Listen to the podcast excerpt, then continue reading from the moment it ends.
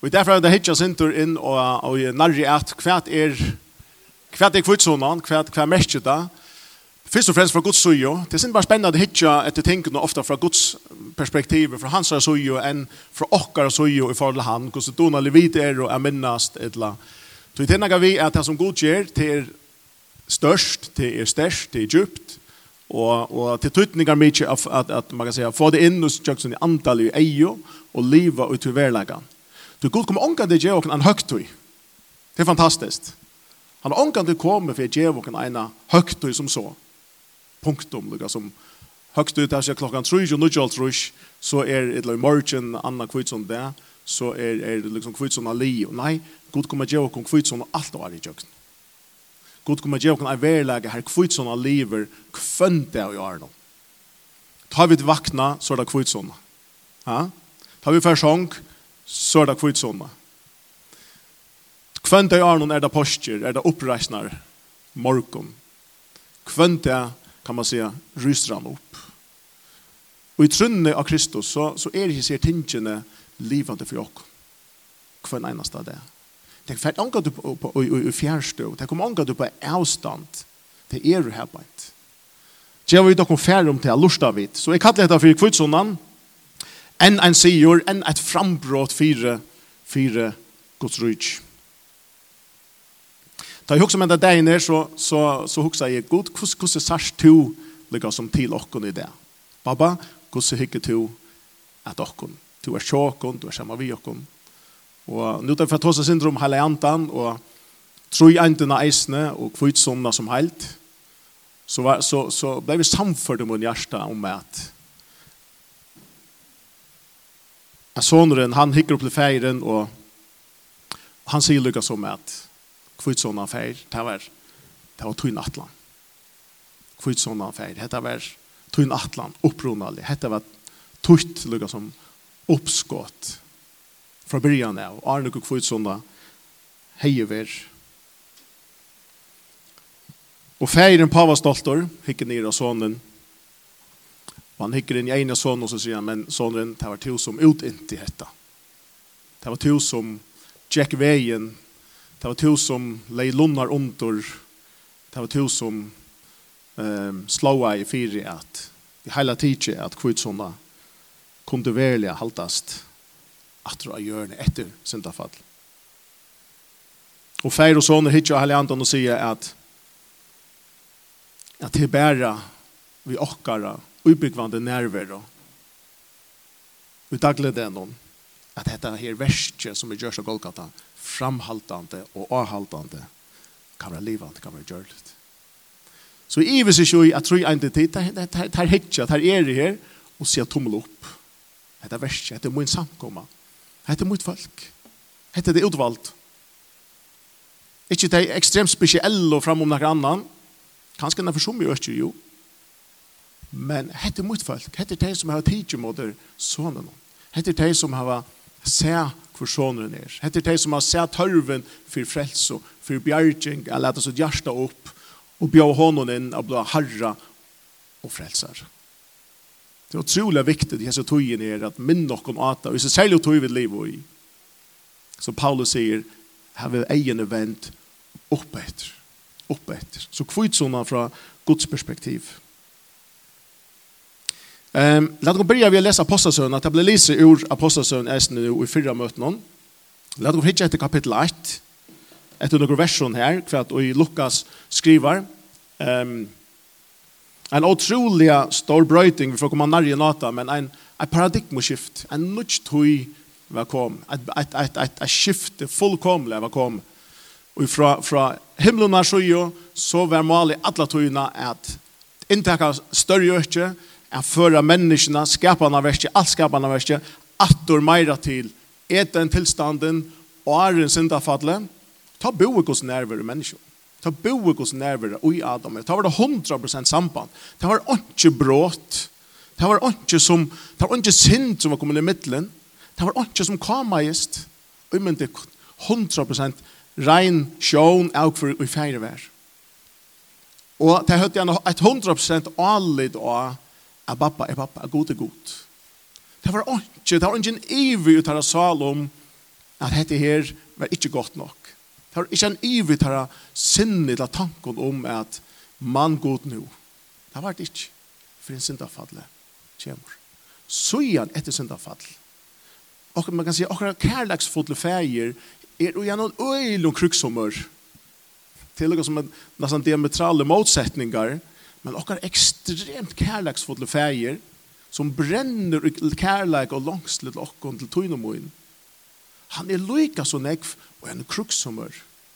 Kruks sinnavr. Og i måte tøy som er leie hansar atlan. I måte tøy som tjekker måter hansara. Fantastisk og evig atlan. Så han er øyelig fokuserar på å vinna inn at du tar tappta til renget, han mista renget, plosse ui okkom, i okkara gjørst, og i okkara sinn, og i okkara tank. Og her sotja vi et øyla frambrott og i hesne kampen om, i middelen ta ønta og, og god. Apostelsøvan 1. Vi begynner vid vers 4.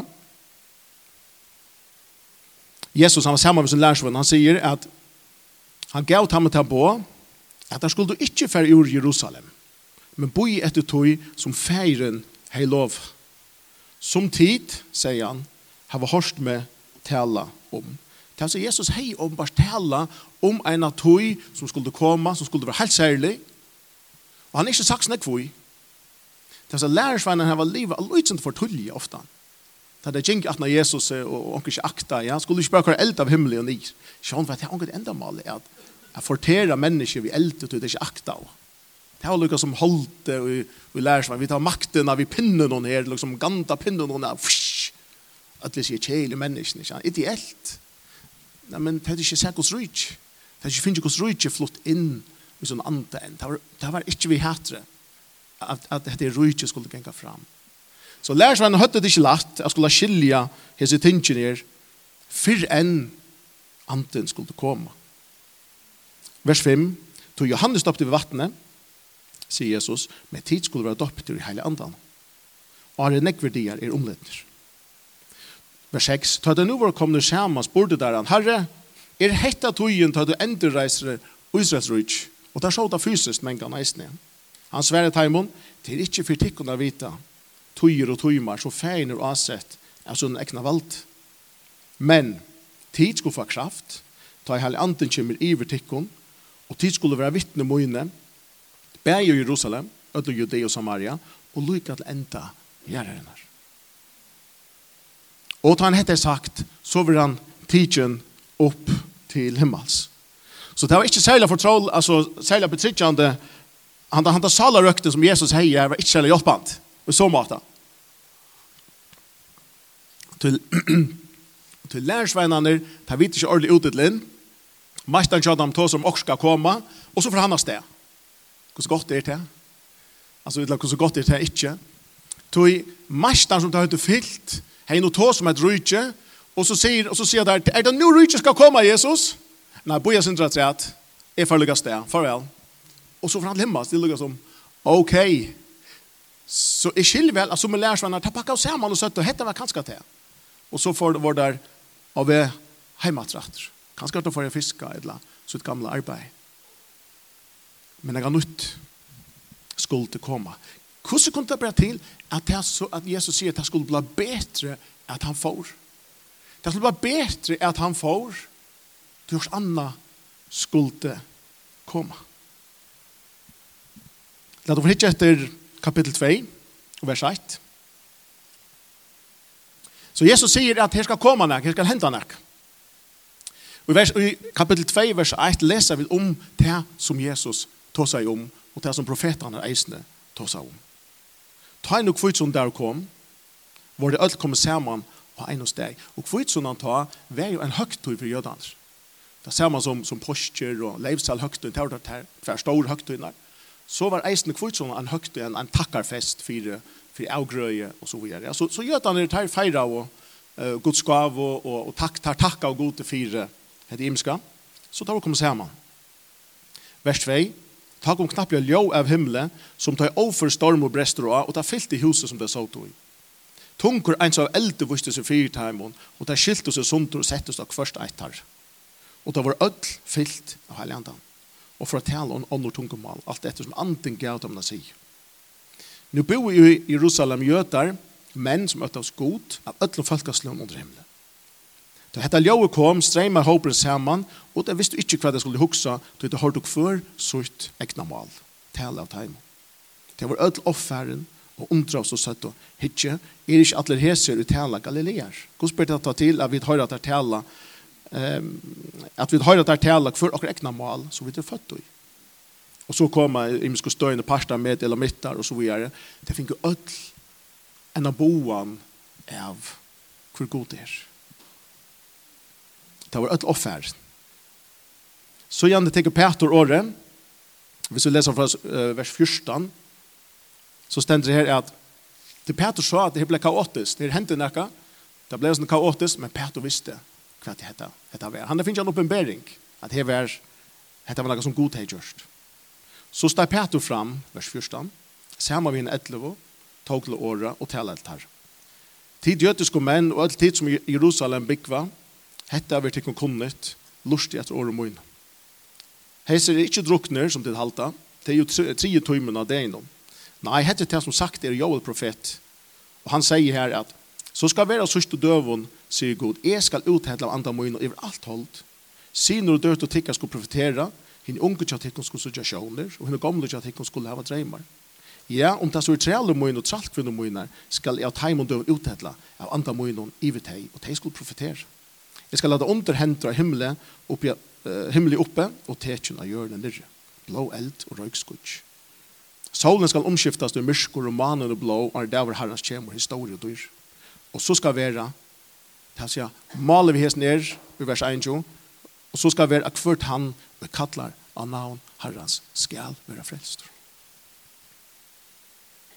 Og for jøtan har dette vært så ommettelig spottant at hese hettningane, hese hundaner, hese samarjubikvar, skulle få lot i godskav. Det var, det var bråte mentalt og kulturellt og atronarligt så kraftiga vi tar av kvært og i vær godsversk.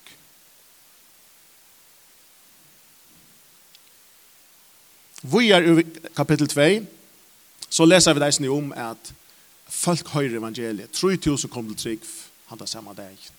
Vi tror ikke i vers, ut i fjorden i her beint, fra, fra fjord ut etter, at her hender nekt, en eller annen samkomma som, som kommer sammen, og sier nøyfrelst, og nøy tryggvande, de halta saman, de, de bråda breie, de drekka, kallis noen, de halta fast om bønene, om året, om samfunnet, her føyes noe helt nytt. Samkomman er ikke av nøyt firebrygd av postasøen, Onkel det vil ha sagt at sam, samkomma ble født av, av kvitesommer.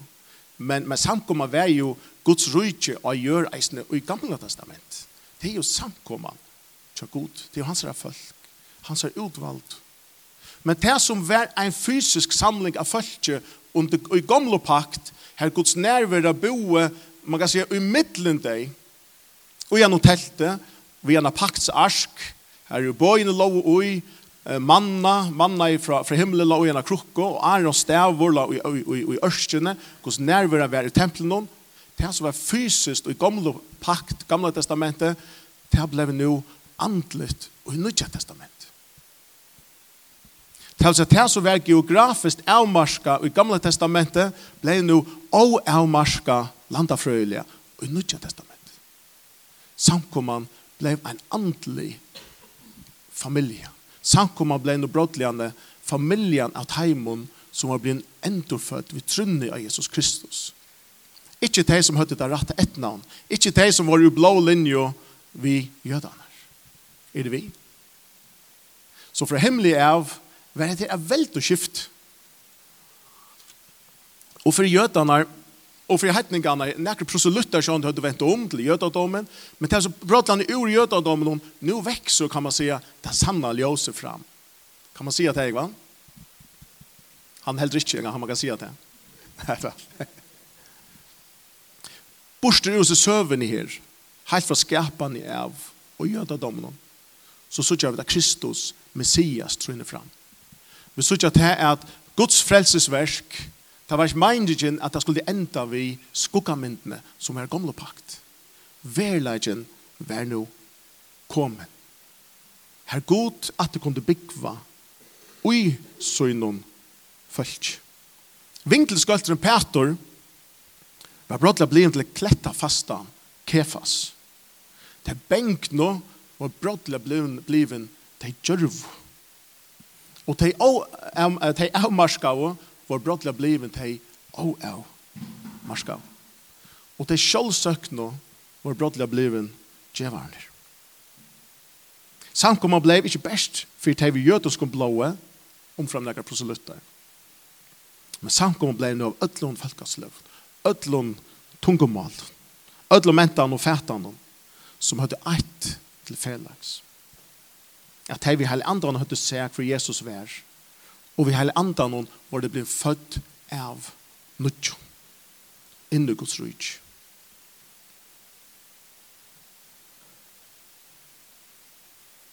Lærersvannan hilder sjølvandi at dette, måtte jo være det ultimativ. Jeg vil ha sammen med Jesus, jeg var bibelbølg sammen med Jesus, eta sammen med Jesus, fylgja sammen med honom, suttja under og tekjen. Var det ikke det ultimativa for lærsvannene? Kalt det tid? Det kunne ikke blande bedre enn hatta. Prestaner, vi hadde vært her, og levittar, og, og and, så, som vi sier, andelige folkene, og sikkert folk som dodde uh, imisk kjenstor, men, men nå kunne det fylltjast ved Jesus. Det måtte være det ultimativ. Men på akkurat løkna maten, hvis du hikker det fra Jesus er skje, så var det ikke det ultimativa at han tjekk rundt ensammatlor, heien nekrar lærersvent at han har og gjør det noen, noen ting som tar helt til å være ordentlig cool, som kittler lengt ned drikken noen, og tar ordentlig, ta som etter, etter det er stått litt, det er spennende, vi har ångat sett det før, dette er mega spennende, og vi er in the club, du vet det. Det er ikke alt som er in the club, vi er in the club. Så blir jeg sekterisme, sånn, at det tenker seg opp med der, og klantor, og sånn, og strøy, og, og så videre, ja. Tror er det Jesus sier, som enkene sier, boja sinter, ikke fortelle ødelen om det her som jeg gjør, halte sinter hemmelig, er ikke løye. Jeg spørs med menka, hvor sier Jesus ikke, fortell ødlån alt som jeg gjør. Han sier, tog ikke mer kommer den, boja synderen, boja lusynder, ikke fortell ødlån. Han visste hvor du sånn skulle komme. Han visste til at, at hvis det ble bare han som Jack og gjør, og prætka Guds rujt, og demonstrera Guds rujt, så kom, kom det å være nekva tjauer og nekva folk som omgant kom i høyre evangeliet om Jesus Kristus. Og med eller nekva. Det kommer være en lydel, lydel minnelode som kommer høyre etter. Det kommer til å lenka tog hvis han selv skulle fære rundt atlastan. Tog er det Guds atlan er. Jeg kallar Jesus for den første fødda. Jesus skulle blå den første født. Guds det? Jo, jeg var noe nødt til å sleg. Jeg var noe nødt til å av andre mennesker som skulle genka gjøre. Jesus skulle være han aller første fødda så igjen skulle det komme et nytt slæ av andre mennesker leibant. Et slæ som ikke kjente til av det skilt sundur fra sunn feir. Et slæ her, her som ikke synden var kommet i middelen og skapte avstand. Et slæ av andre mennesker som bærer av Guds rettvis, som bærer av Guds heilalegg, som bär upp på hela andas nerver, som bær på Guds kraft. Tui kvusse skal neka som er skapet av gode, ikkje bæra hans nerver. Man gode ikkje vera mega, altså, ugen etter at alt som han skapar må bæra hans nerver. Det må bæra hans navn. Det må bæra hans eikjenne. Det Og hvis han mottakaren, det som han nu skapar, hvis han mottakaren ikke klarar at få det til sjølvor, som vi ikke klarar, ja, men så vil god nøyde til sjølvor at ordne det eisene. Så her var god nøyde til bæja skapa, det er så skapning går vi som var kronan, her at seg at vi er nøyde til at fytla dette her, henta skapningen, hvis hun er nærvær. Jeg tykker ikke god innskjer at näka skal bæra vittne om han utan at det er fyllt med hans nerver. Utan at det er fyllt och forsekla med hans navn Ta, ta, ta vet han brottliga störst, det som god är vi görst. Ta vet om mättaliga dyra barst, det som god är vi görst. Og det er nemlig at som lærersveinene i første omfære ikke skilt. Hvordan, eller hvor vi skulle dette her kunne henge sammen. Men tid, man kan se at det er skilja. Jeg har noen god tøyender til moin og til tøyen, at det er fullstendig å gjøre litt av skilja. Vi vet og skil. Men det blir vel til å røyne. Det blir vel til å røyne å bruke noen mynter på hvordan kan god gjøre noe som er så innviklet, som er så størst. Per hetta vil dømes tro i endene at hele anden kan tekka bygg for jokk, hvordan kan god feir, god soner, og god ande. Vera virkjen samståndes, vera ein, med vera trutjer. Det er så fortalte man øyla simpla myndene, for som, som, som for meg gav mening mentalt og i munn og tanken. Og det kan ofte forløysa noen ting andlige. Ta man, da man mentalt hever finnes man kan säga fri vi en sannlag og godsåre. At en så god er, er trutjer personer og i einom. Så har vi til døms eisende vatten. Kjem ikke formelen ha tvei år. Men vatten finnes det i trimon i muskom formon. Kjenner jeg? Frist, som væta, og som dampor. Kjenner jeg? Og du fører til er frist, men til vatten. Og du fører til er væta, til det samme. Og du fører til dampor, til eisen det samme. For meg var hatta faktisk en lydelig hjelp i at jeg kunne fæt, ok god, du er en god, men du opererer i trimon. Det er færsens vilje, soneren ut inne færsens vilje, heila i anden er han som gjør det at komelet og gjør det at det er mer ui det etter Golgata og i nøye tøyene vi liv og Jesus kommer etter at oppleva den verleggen som god Og i Kristus er vi sett okkon. Ja, at det innvikla. Sindre innvikla, kanskje. Alt vi god er meg innvikla. En til egen i tjokken åpnast innvendig en par måter, at knappt åpnast kanskje egen enn det for tjokken at god elskar meg, altså god elskar te, det er en veldig sannleik til at det åpenberast. Er ikke det?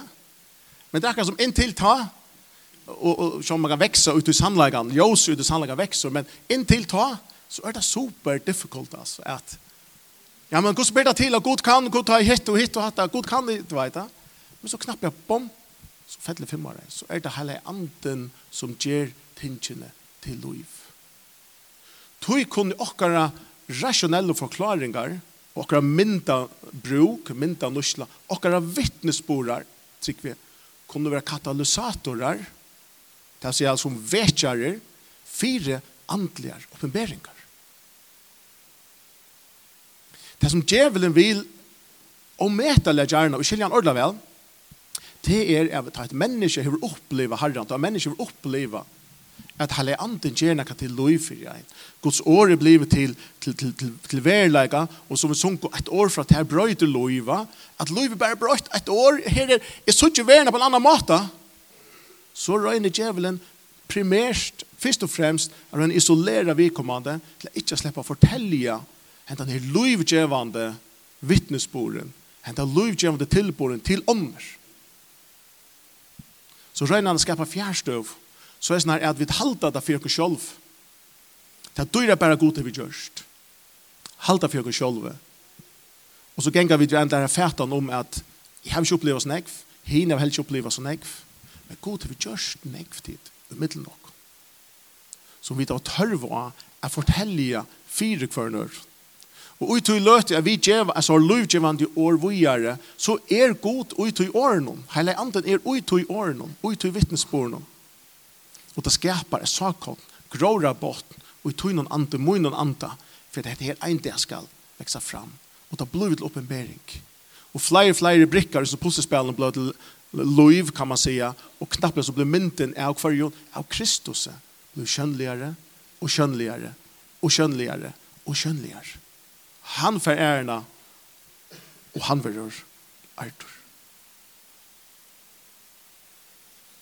han är på en måte ta man kan säga att antans lika som Hvis man skal säga, alltså Hebreerbrevet läser om att, att Jesus har finnit en särskild position i så tog in i livet nu her og i verste i kjønnelig, tryggven av Jesus, før dere til feiren.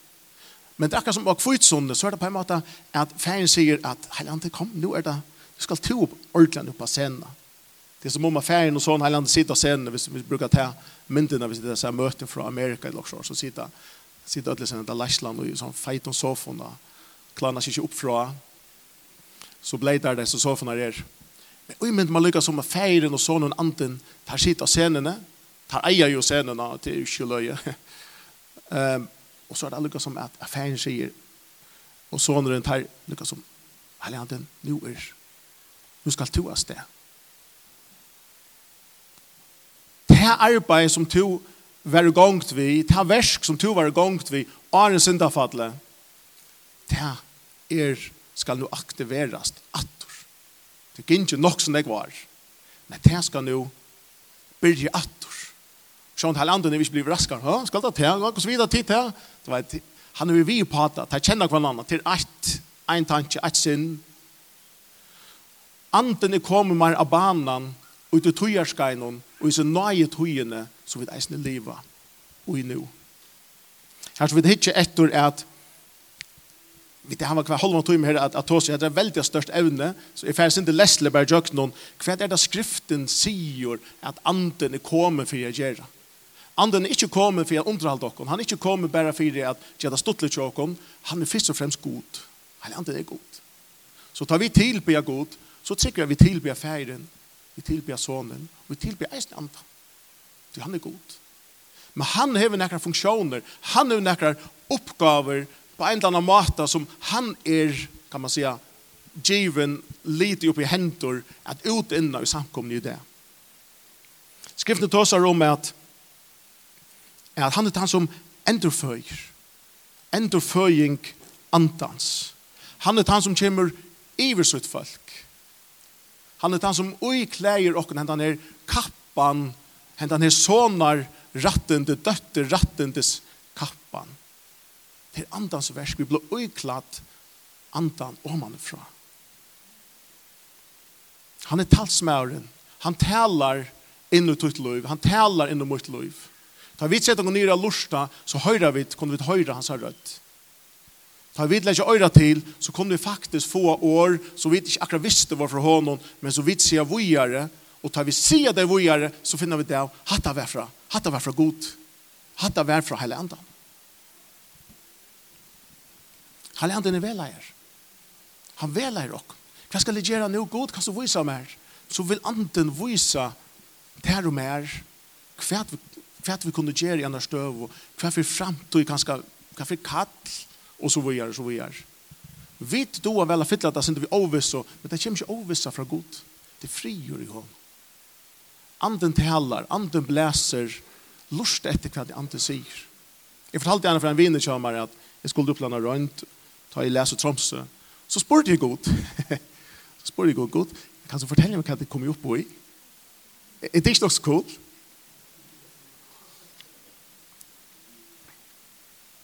Snakk om bruk og misbruk, Jeg prøver at jeg var rimelig desperat, Så du vet, jeg finner ikke lise sånn jeg, og så, du vet, altså, så. Huksa så, ennars finner ikke, du vet, liksom, the easy way, ja. Yeah? Så jeg visste at det ble no way, it not easy way. Så jag prövade, jeg lukker som god, please, you know. Jeg har sådana låsan till Arjen kanske og hitta ju opp. Arjen spurte, ja. Han, han sa ganske mye tankar och Arjen, men men jeg spurte så, altså, det kostar inte å spyrja. Og, och bara ända man løkna mat, altså, Så, så kom också til mig, altså, Det gjør det, altså. Det kom också kapitel 9, det låg short. Det var inte Matteus kapitel 9, men... Uh, Det var en av mikroboskapen och sånt. Okej, okay, Sean, blir blev på kommer kapitel 9 och läsa väl och vilja och då vet. Så så väl liksom tanke av lötan. Sen med Harran och Leo och så så fem man minuter dagligt där och så vidare och, och det är nätt att komma upp i protek om en sann är träckte nummer 9 alltså. Kapitel 9 va?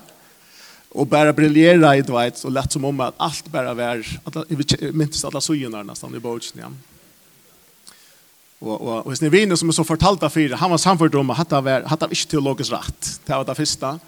Och at Gud måste vara omätt eller orättvisor. Det är nästa man blir hasa bönna som inte ganska finns akkurat kapitel 9. Og så videre. Men tid, kan vi levis ner. Lät oss kontakta allt det som har vi och älskar färger att göra. Lät oss kontakta det mest mulig nye av en formell støye. Av en och sån när kan färra till han Det er ikke spørningen når man nær jeg kan fære til han. Vi er båret oppe i hans erfaring. Ikke han eit. Et og hvert praktisk ting i akkurat livet er han avhå av roi. Jeg mener så vi hver er vidt at skulle han som har sendt hele andan til okken som velere, hjelpere, lærere, ubyggvande, alt det her, hver er vidt at sier ikke akkurat nå, jeg er ikke bruk for akkurat nå, la meg ordne til sjolv, la sjolv. Hvis det er nekka som skildrar og nekka, altså, vi det er jo hans her åken fullkomlige, vi som har sett akkur anledd av Jesus. Men det er kjept leis. Trealer av syndene før, nu er vi trealer av rattvisene, sier Paulus. Vi det er hans her trealer. Hans her åken. Trealer i kærleggene. Men lett okkur teke til vi okkur i dagligdenon, det som han innskir at vise okkur, at fortelle okkur, og hvordan han innskir at vela okkur. Vi er det, Heilig anden han utrustar til tjenest, hvis han nøye gavner som han har lagt ned i te og med. Skriftene tåsar om anden kjemur teker bygg ui okken, tar vi Jesus bøtt, vi det blir en temple. Samstånd sier skriften er at anden kjemur iver okken. I gamle pakt kom anden, anden bo ikke ui sunn folk. Det stender, det stender ikke nekva stand aldri at, at anden tog bostad ui, anden kom iver, anden kom iver der uta profetera alltså profeterna, prästarna och kongarna. Där hade andan i sig som som är raskap till att kunne styra och tala Guds ord til folk och av folk någon och döma rätt och så vidare. Men nu pakt hur anten eisen tidje booste. Som pant och på den arven är vid ena enda løst, til Det løyve vi da finge lagt inn. Men enn viskar eisen i anden i vrok. Man kan säga ui ojokon skapar andans frukter. Anden ui okkon, den nutje skapningen, den nutje menneskjeie, Guds skapningen som er føtter inn her, ur honom kommer andans frukter som Galaterbrev snakkar om. Men anden iver okkon er andans gaver. Det er gaver som god har lagt nyre til og med. Talentene som han har givet her og med er, er bruker samkommende at tåsa gesta blutne, at hosa til andre mennesker, at være om andre mennesker. Det gav vi suttje her på en idé, og så vi gjør. Det er at anden kommer iver til og med. Så anden ånka du bort fra åkken, en snakk, og det stender om 8, at ånka kan skilje åkken fra Guds kærlek. Han er pantig på arven, han er garanteren, og på at vi en dag skulle enda løses, for vekk herfra, og være hjemme til pappa. Han er garanteren på det. Han er garantieren på dette verset og Golgata. At vi nu forsekla i vi hånden. Forsekla. Innsekla. Innlysen. Han har sett sin navn Han har sett seg sjolvan på spil. Han trykker okkom. Det er ikke større enn det samme. Han er kraften som vi låser om i vers 8. Han er den kraften som virkar i tjøkken nok.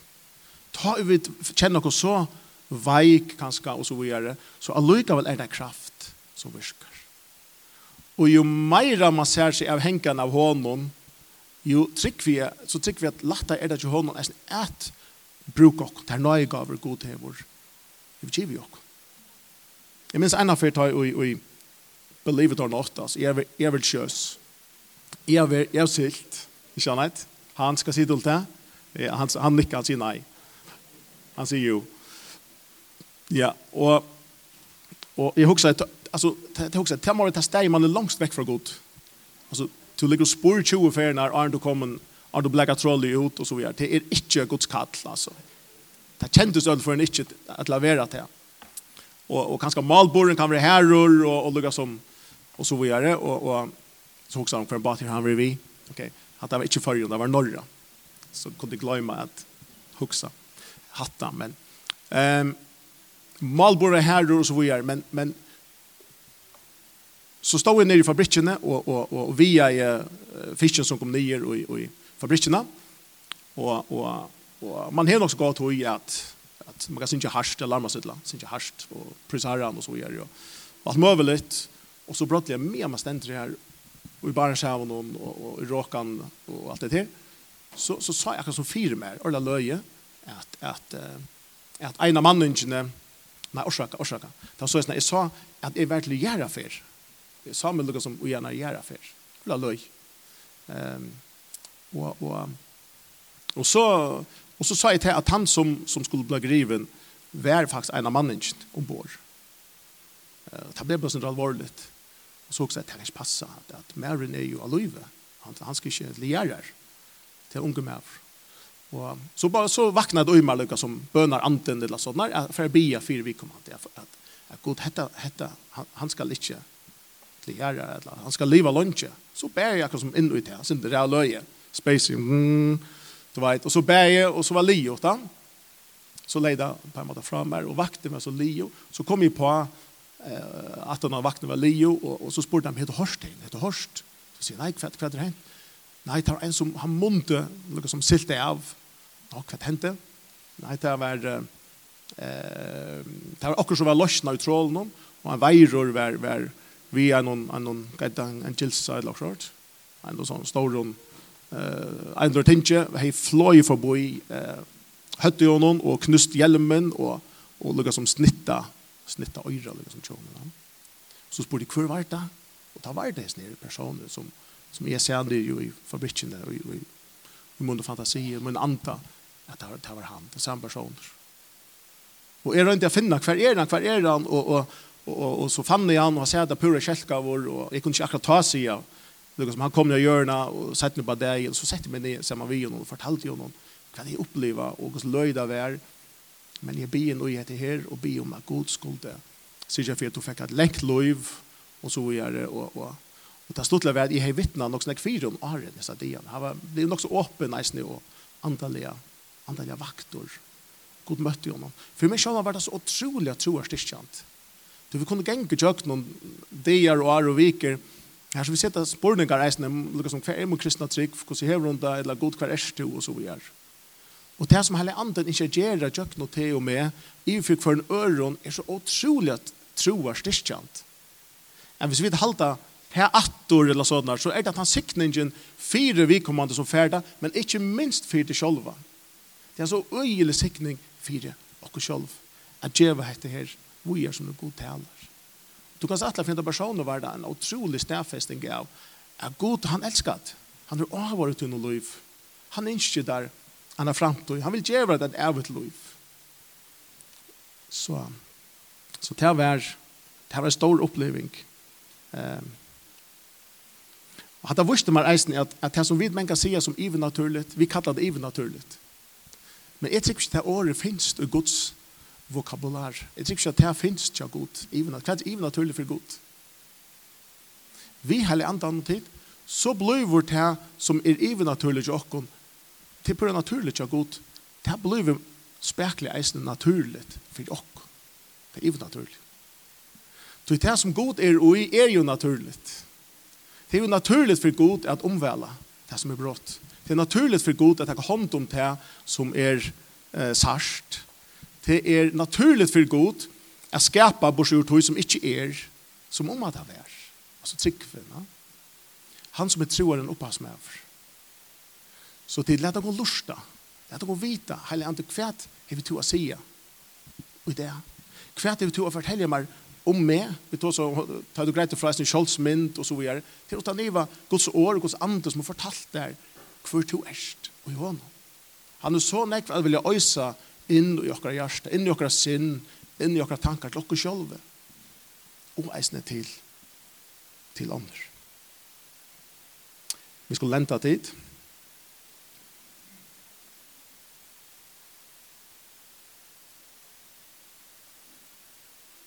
Filip, apostelsen 8, her hører vi dem hvordan jo Filip vil kjent. Just etter at anden er fattelen, eh, det var nødt til å lære seg noen, for det ångat opplevd det før.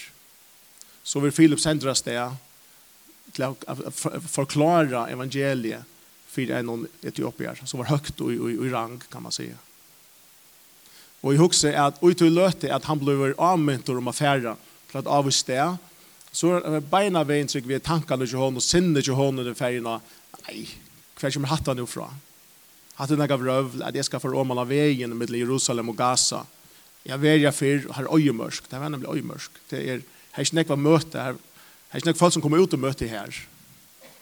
Hva skal jeg gjøre her? Men Filip fer.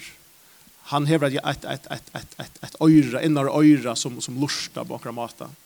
Det är alltid så fantastiskt at äta fyrer sted konsekvensen av tog er jo at Etiopiaren kommer til trygg, og er jo rådgjøver til drottningene. Han fer heim og han forteller drottningene i Etiopia om hva han har opplevd. Han ble døpt og tog vi trygg, og evangeliet kommer til Etiopia.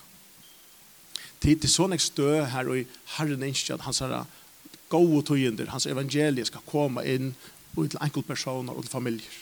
Her som er og to er på en måte, sindes stand igjen Philip eh, position. Vi kunde vara likla personer som kommer vi en, en, en år, en avmenning. Vi kommer vi, vi en, en øyre som vi lusta etter kritikk om hett om hatt og hitt, og så kommer anden og gjør noen år i munnen. Amen.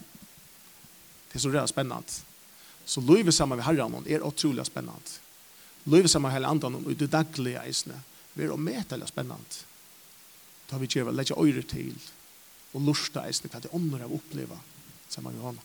Herre, vi takkar deg fyrt år, Herre, vi takkar deg fyrir at du vi hese i Herre, fyrir 2000 år siden, Herre, så uthelte du at du noen anta alt holdt. Og Herre, det er det som vi suttja eisne om alle hjørna nu, Herre, at du ut ikke boste, og tog noe skapning. Det som var kronan av skaparversen, Herre.